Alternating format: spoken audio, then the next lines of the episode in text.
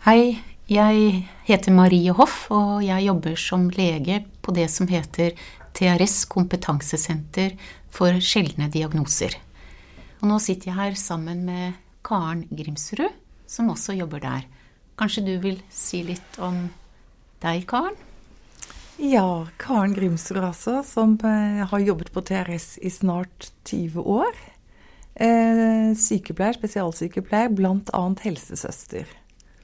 Ok. Mm. Og det vi har tenkt å snakke om i dag, Karen, det er eh, personer med ryggmargsbrokk, og som har da utfordringer knyttet til det med å tisse og bæsje. Eller altså utfordringer knyttet til hvordan blære og tarm fungerer. Kanskje vi skal begynne med, skal vi begynne med blæra? Ja, jeg tror vi gjør det. Det høres fornuftig ut. Det er jo slik at eh, personer med ryggmargsbrokk har en skade i ryggmargen som påvirker eh, som regel kroppen nedenfor eh, skadenivå, og de har lammelser. Og det veldig mange har også lammelser i ja, både blære og tarm, da. Mm. Mm. Går det an å si noe om hvordan blæra fungerer hos en person med ryggmargsbrokk? Ja, de, eh, veldig mange har jo problemer med både å tømme blæren effektivt, sånn som vi gjør. Allerede fra spedbarnsalder, faktisk, selv om man ikke merker det så godt når barna likevel bruker bleier. Eh, og de har også problemer med å ha nok muskulatur til å holde tilbake urin til de når frem til et toalett eller et passested. Ja. Så det du sier er at eh, muskulaturen, altså selve blæren, har lammelser, er lammet. Ja. Mm. Og så muskulaturen ytterst i urinrøret fungerer heller ikke. Så de kan både få problemer med at, uh, å få tisset, men også at de lekker, da. Ja. Begge deler. Begge mm. deler. Mm. Ja, hva gjør man da, da? Ja. Det viktigste er jo faktisk å få tømt blæren. Vi som er helsepersonell, vi eh, vet jo ofte mye om at det å ikke tømme blæren, det får jo store konsekvenser. Både i form av urinveisinfeksjoner, men også at uh, urinen kan presses oppover igjen til nyrene, som jo er de organene som lager urin. Uh, det er farlig og kan føre til sviktende nyrer og virkelig ødelagte nyrer. Og det er jo farlig. Ja. Du sa, det skjønner jeg, men du sa også at det kan føre til urinveisinfeksjoner. Hvorfor eh, kan urin i blæra føre til urinveisinfeksjoner?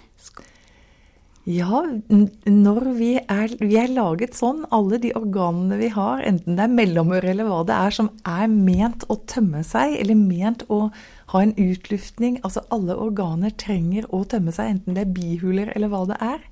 Og slik er det med blæren også. Det som er ment å komme ut, og som ikke får kommet ut, der blir det en opphopning av mikrober, av bakterier. Og de, de kommer jo ofte også fra tarmen fordi at det er naturlig med mye bakterier i eh, underlivet, da. Ok. Så sa du at eh, vi må få tømt blæra. Og da, hvordan gjør man det når, når den ikke klarer å tømme seg sjøl? Ja, de senere årene har vi heldigvis fått en metode som har reddet veldig mange liv alle de som har lammelser av forskjellige årsaker, da. Det er jo ikke bare de med ryggmargsbrokk som har dette. Og det er ren intimiterende katetrisering, kaller vi det på norsk. Og det handler om at man setter et tynt, eh, ikke så stivt eh, plastrør inn i blæren og rett og slett tapper ut, i stedet for at blæren fikser dette selv. Ok, Må det være det plastrøret, er det det du sier da, er at det føres gjennom urinrøret og inn i blæra? Som regel så fører man det gjennom urinrøret på samme veien som urinen skal ut. Ja. På både gutter og jenter, menn og kvinner. Må det være helt sånn sterilt det, eller kan man bare gjøre det med et eh, Uten at det er helt sterilt? På sykehus vil man alltid gjøre dette så sterilt som mulig, og hjemme, når folk gjør dette hjemme. eller på skolen eller på jobben eller hvor de er, så vil det som regel være bare rent, altså ikke sterilt. Så rent som mulig. Eh, og så lærer de da ulik teknikk på å sette det inn. Og dette må da gjøres eh, de gangene i døgnet som man ellers naturlig ville tisset. Ja, Så hvor vanlig, eller hvor ofte da? Ja, da blir det en fem-seks ganger i døgnet. Litt avhengig av mye man drikker. Og, ja, og de som har ordentlig problemer med å Altså de som også lekker mye, kan nok ha nytte av å gjøre det enda oftere. Må man gjøre det om natten òg? Hos de fleste ikke. Ok. Så da har man altså et kateter som man bruker. Hvor tidlig begynner barn med dette? Ja, det er et godt spørsmål, for det har vært veldig eh, opp og ned hvor, man, hvor, tidlig man tenker at man skal begynne. Mm.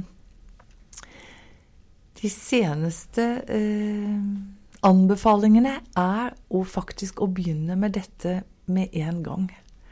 For barna har, til tross for at de liksom ligner mer på andre barn når det gjelder dette med, med blære og tarm, for alle bruker jo bleier når de er små, så har de tømningsproblemer allerede ofte.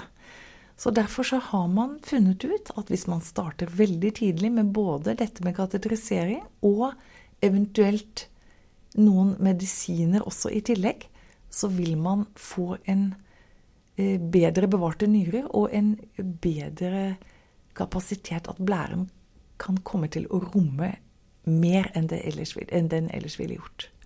Men hvor tidlig klarer barn selv å gjøre dette, da? Ja, det er jammen forskjellig. En liten gutt fikk det til da han var fem år. Så bra. Og skulle man jo tro at gutter som har tissen utenpå, på en annen måte lettere tilgjengelig, og urinrørsåpningen, eh, at de lettere ville klare å kateterisere seg selv. Men det, det viser studier at det er litt forskjellige erfaringer med, altså. Det er jenter litt, nesten litt tidligere. Men denne gutten var veldig tidlig. Ellers så er de ofte syv, seks-syv år og vil jo veldig gjerne prøve å få det til før de begynner på skolen. Det er et godt poeng. Ok. Så fint å høre at barn kan klare dette selv også. Men hvordan gjør de, pleier de å gjøre når de begynner på skolen, sånn som du sa? Har de et eget toalett, eller hvordan pleier man å ha det? Ja, det er klart at det er jo litt spesielt å gå på toalettet på denne måten. Og det er litt spesielt helt fra man er barnehavebarn og ikke bli såkalt renslig på samme måte som andre barn. Og de savner det og syns at det er eh, litt eh, plagsomt. Eh, barna gir uttrykk for det. Så det å tenke på at de ikke skal blottlegges i nærvær av andre barn, men at de selv skal kunne bestemme hva som er privat når det gjelder dette her, det er ganske viktig. Så både i barnehage og skole så vil man følge barnet på et eget toalett med låsbart skap med utstyr, kateteriseringsutstyr. Slik at man kan lukke døren bak seg og være privat. Så du tenker at det å være privat er viktig i, i forhold til barn med ryggmargsbrokk? som skal kateterisere seg? Min erfaring er at de føler veldig forskjellig rundt dette. Både foreldre og barnet selv. Mm -hmm.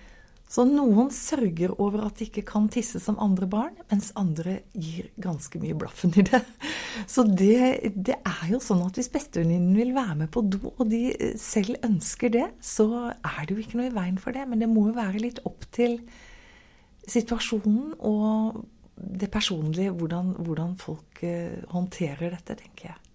Gjelder det også det å skulle fortelle at man har ryggmargsbrokk, eller at man må kateteriseres, at man skal fortelle det til og alle? Tenker du at må, man må tenke litt rundt det også? Det syns jeg er veldig naturlig at man er litt forsiktig. Altså vi er jo i helsevesenet og på TRS og når det gjelder eh, undervisning og informasjon om diagnosene, så er vi jo for åpenhet. Men man skal være veldig forsiktig også med å eh, vise for tydelig alle private områder av livet, fordi man vet aldri. Det kan komme en person i elektrisk rullestol som ikke kan gå, som allikevel tisser på noenlunde vanlig måte. Det kan være et gående eh, barn som, som eh, må katetriseres og har store problemer med, med urinveiene. Eh, dette vet man aldri på forhånd, og det er, det er greit at man ikke vet. Jeg tenker at det er privat. Det kan være opp til hver enkelt, både barn og voksen, og hvor mye man vil dele. Ok. Ja, Karen, nå har vi snakket om dette med kateterisering. Men hva gjør man når, hvis det er tilfeller hvor ikke kateterisering fungerer godt nok, og man må kanskje gjøre noe annet? Ja, det eh det som er, er eh, Altså, kateterisering eh, kan fungere godt nok for å få tømt, men så er det dette med å holde igjen urin. Og det å ikke være plaskvåt hele tiden. Fordi veldig mange, eh, både barn og voksne, ønsker å ha kontroll og vite når urinen kommer. Og for en del så blir det da foretatt operasjoner som gjør at man kan sørge for at det er eh, At man har bedre kontroll. Av og til helt full kontroll. Det er litt forskjellig. Det fins mange ulike typer eh, operasjoner, ellers mindre inngrep også. Ikke ordentlige operasjoner, men mindre inngrep som man kan gjøre for å prøve å øke motstanden i urinrøret. Men også operasjoner hvor man rett og slett lager et reservoar for urin enten av urinblæren eller i erstatning. Tarm. Bruker ta litt av en bit av en tarm til erstatning for urinblæren. Slik at man rommer urin inni kroppen og kan da gå og tømme dette på toalettet gjennom f.eks. et lite hull i maven. En såkalt stomi. Urostomi. Så bra. Det er fint. Godt å høre. Men en ting som vi kanskje har glemt å snakke om, det er dette med urinveisinfeksjoner. Vil du si det er vanlig hos personer med ryggmargsbrokk? Ja, det er eh, mye vanligere hos personer med ryggmargsbrokk. Det som er litt viktig, er at de som kateteriserer seg, og de som har en sånn type stomi eh, Som det også finnes flere typer av for øvrig, men vi kan vel ikke gå inn på alt her. Eh, de har en, ofte en høyere forekomst av uh, bakterier i urinen. Men de har ikke en pågående infeksjon likevel. Altså de har ikke sykdomsfølelse, de har ikke feber. Um, men de har mye bakterier. Så man må være veldig nøye med å faktisk ta urinprøve til uh, fastlegen. Sende den til dyrkning, slik at man vet om det er så mye bakterier at man trenger antibiotikabehandling, og hvilken type bakterier, selvfølgelig, som, hvor det er veldig forskjellig hva man trenger. Så antibiotikabehandling er, det er ofte nødvendig. Okay.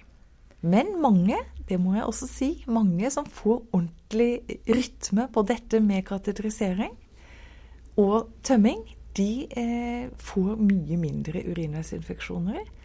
Og klarer seg veldig bra og slipper å være syke av det. Så fint. Nå tror jeg kanskje vi har snakket nok om blæra og urinveier. Syns du ikke det?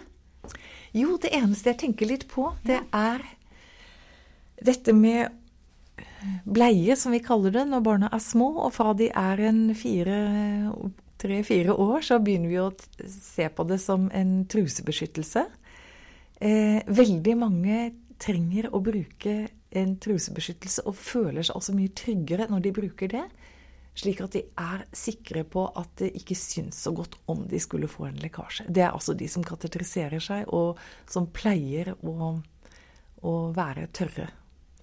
Okay. De, når du snakker om dette, så lurer jeg på en ting. Det med lukt. Mange, du, hører du om mange er plag? Syns det er pinlig eller vanskelig? Når det gjelder urin, så har de fleste Altså, det er så gode, godt utstyr i dag at de fleste eh, skifter ofte nok og, og, strever ikke så mye med det med lukt. Men Du vet at der er det noe helt annet med det neste temaet, hvis ikke noen skal snakke om, regner jeg med. Avføring, det, det er Der har du det med lukten, altså. Det, det er fint nå. Setter du i gang på en god måte overgangen til å snakke om det med lammelse av tarmen. Kanskje du kan si noe om det når det gjelder personer med ryggmargsbrokk? Hvordan fungerer tarmen til personer med ryggmargsbrokk?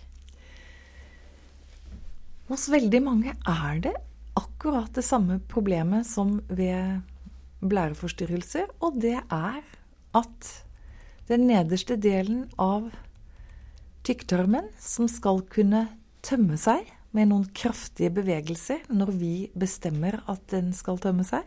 Eller vi, kjenner, kanskje? Eller kjenner, har kjent at den skal tømme seg. Eh, det, det, fungerer heller ikke så godt. Og det er både det med at det blir stående avføring i tarmen, Eh, det er forsinket eh, Det er langsom tarmpassasje. Altså, altså, de bevegelsene som vi naturlig har, som beveger avføringen ned mot endetarmen, det fungerer svakere og dårligere. Eh, den som har ryggmargsbrokk, har ofte dårligere kontakt med, som du sier, kjenner mye dårligere at det er kommet avføring ned som skal tømmes ut. Og selv om de oppfatter at det er noe der, så kan det hende at det ikke er kraft nok til at det tømmer seg. Så har du på den annen side det samme problemet igjen, dette med at de heller ikke kan holde igjen um, til det er naturlig å gå på toalettet. Som vi som oftest kan. Uh, det er jo et problem. Da kan man få lekkasjer, enten av eh, tynn, eh, flytende avføring eller av knoller som kommer ut. Og det er ikke særlig Selv om det ikke er så farlig som ved, ved urinveisproblematikk, at det blir stående avføring, så er det heller ikke så godt for helsa. Tykktarmen kan bli veldig stor og oppfylt, og appetitten kan synke, og man kan bli kvalm og få hodepine og alle de vanlige tingene. Mm. Du sa at uh, tarm, tarmen jobber langsommere, sånn at den blir stående lenge, man blir forstoppa. Men så sa du det kan også komme lekkasje av litt tynn avføring. Det er det at hvis man stå, har lenge nok, eh, har forstoppet avføring i, og, tar, og knoller i tarmen, så vil det irritere tarmveggen såpass at det til slutt begynner å gjære og blir en suppe som kan komme flytende ut. Og det er Særlig ved fysisk aktivitet har vi jo opplevd når vi har hatt rullestolbasket og sånn, folk som har måttet gå og skifte, for da har det plutselig skjedd noe, da, når de har eh, en, en veldig tømming, da, når de, når de, er i veldig fysisk aktivitet og har det gøy. Det er jo kjempetrist. Ødela jo den det rullestolbasketspillet mm. for den personen som da måtte av gårde og stelle seg, dusje. Så hva gjør man med dette, da? For tarmen må vel også tømmes sånn som blæra må? Det må den. Det må den. Og det er også her flere metoder. Eh, nå i nyere tid så bruker man eh, klyster, en type tømming med hvor man setter vann inn i endetarmen til eh, det lille barnet allerede fra de er små, og gjør det ganske regelmessig. Ja, hvor ofte da? Ja, Det kan være veldig forskjellig. To dager i uken, annenhver dag. Noen gjør det til og med hver dag, fordi de opplever at da blir det ikke lekkasjer mellom tømmingene. Men dette er tidkrevende. Man setter inn, og barnet må sitte på toalettet eh, til ganske lenge ofte. Sånn hva er lenge? En halvtime, tre kvarter.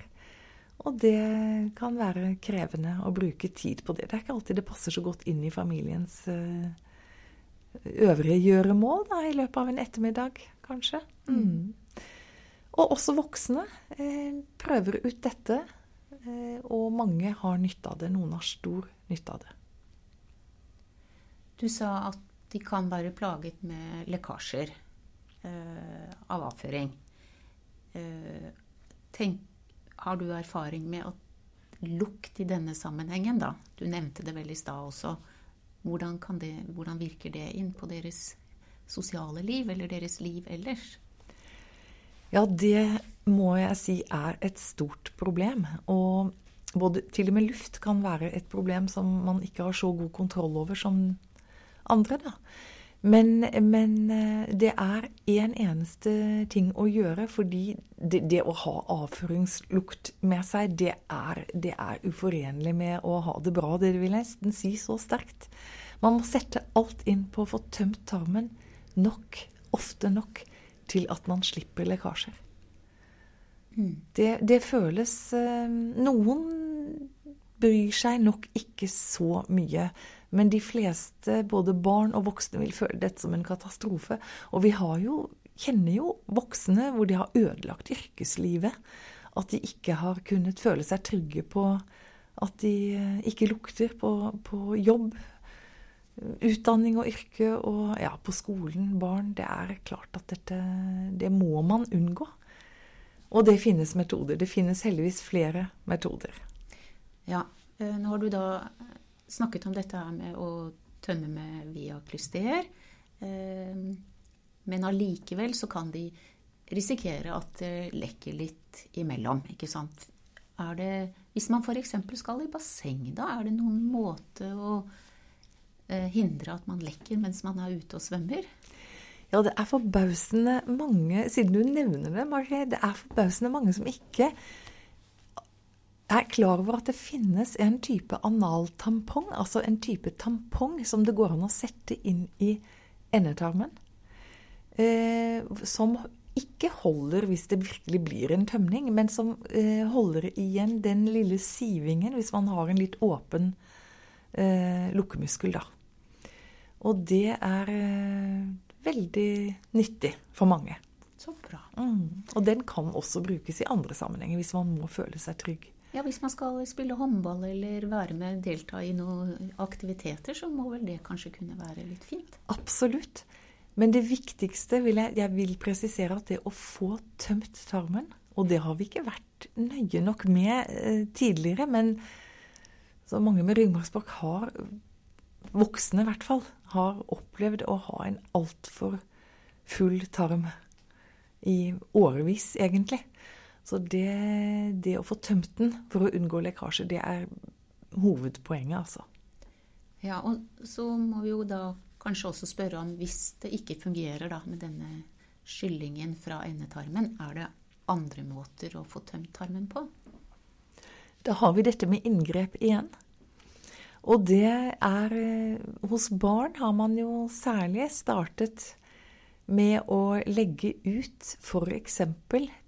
Eh, endetarm... Nei, hva sier jeg? Blindtarmen. Blindtarmen på maven. Som en kanal. Eller en annen del av tarmen. Sånn at man lager et lite hull, igjen en liten stomi på magen så man kan sette rett og slett vann inn igjennom mens man sitter på toalettet. Og dermed skylle tykktarmen den riktige veien.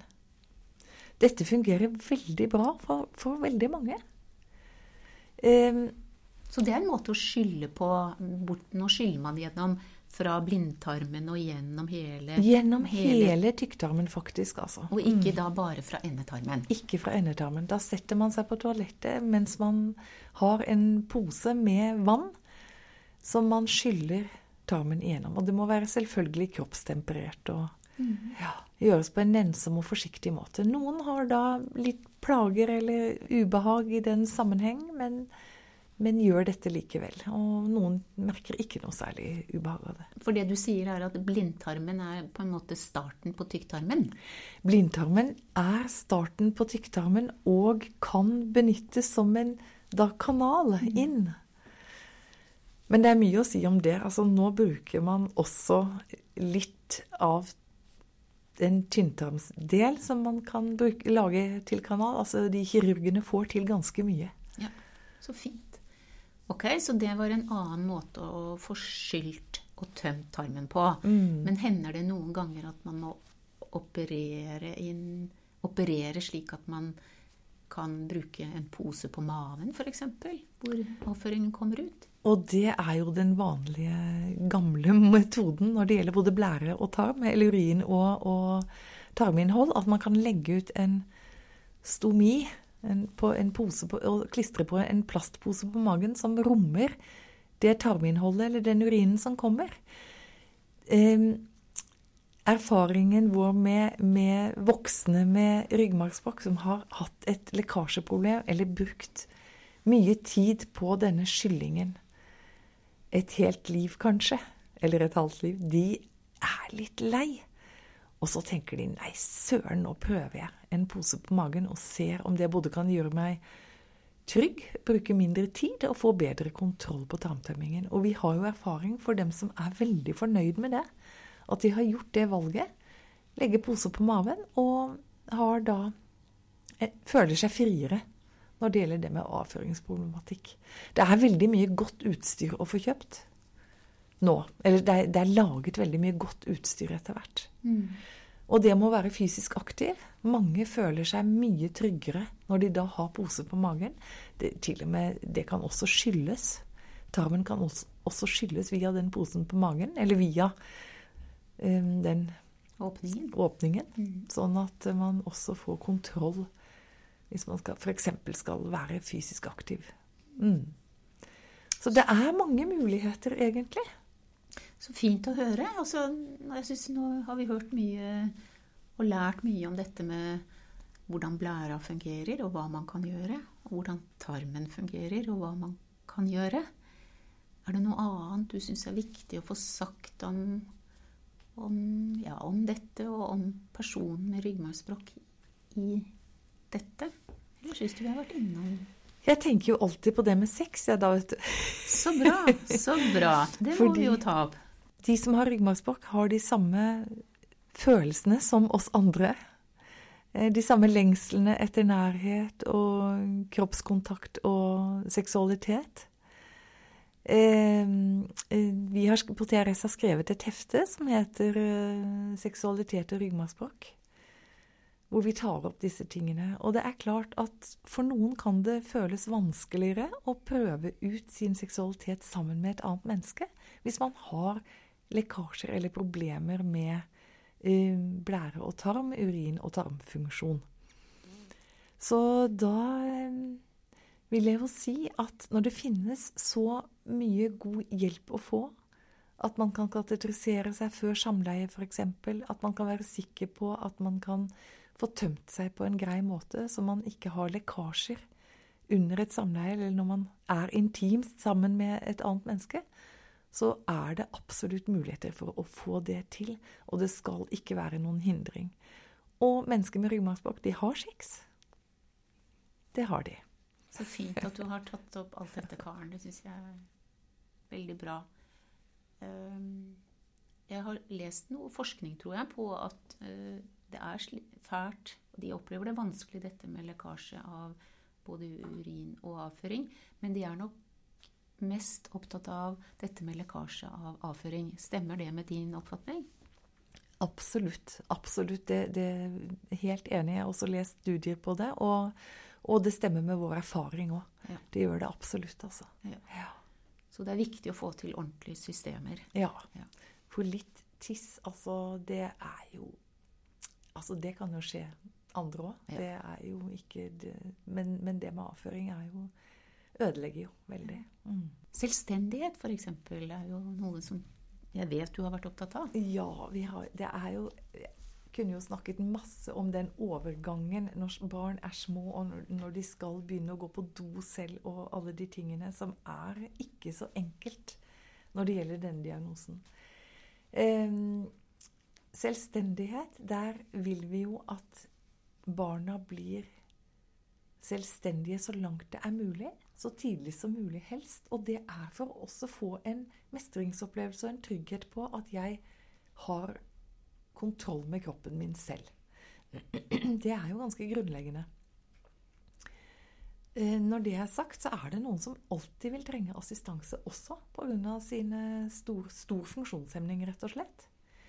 Og da må de lære, få hjelp til å lære og be om hjelp på en god måte. Altså Barna må selv kunne instruere en hjelper. At jeg vil ha det sånn og sånn og sånn, og det skal være sånn og sånn. Det syns jeg er kjempeviktig. For da er det ikke den voksne som kommer inn og overstyrer, men barnet selv får grep om sin kropp. Så et sentralt spørsmål er trenger du hjelp? Ja. Og ikke bare gå inn og hjelpe? Absolutt. Absolutt. Og at, at voksne må være litt eh, Vente litt og høre hva barnet ber om. Dette har jeg selv gjort mange, mange ganger på TRS. Og barna kan og vet og forteller. Foreldre til barn kan ofte tenke 'å nei, å nei', hva slags liv skal det bli med disse lekkasjene? Og med, hadde det ikke vært for dette med de lekkasjene, så skulle rullestolen ikke vært noe problem.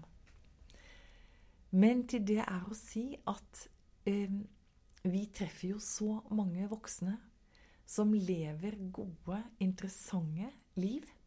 Som har kontroll på disse tingene som har med blære og tarm å gjøre, selv om det kanskje koster litt mer strev i hverdagen. Sånn at det er mange, mange måter å leve livet på. Og det er det å ha problemer med blære- og tarmfunksjon, det er ikke til hinder for å kunne leve et godt liv. Det, er, det syns jeg er veldig viktig å få frem. Tusen takk, Karen. Det syns jeg var en god avslutning på det hele. Så takk for at du kom hit, da. Og at vi fikk snakket om personer med ryggmargsbrokk på denne måten. Og takk for meg.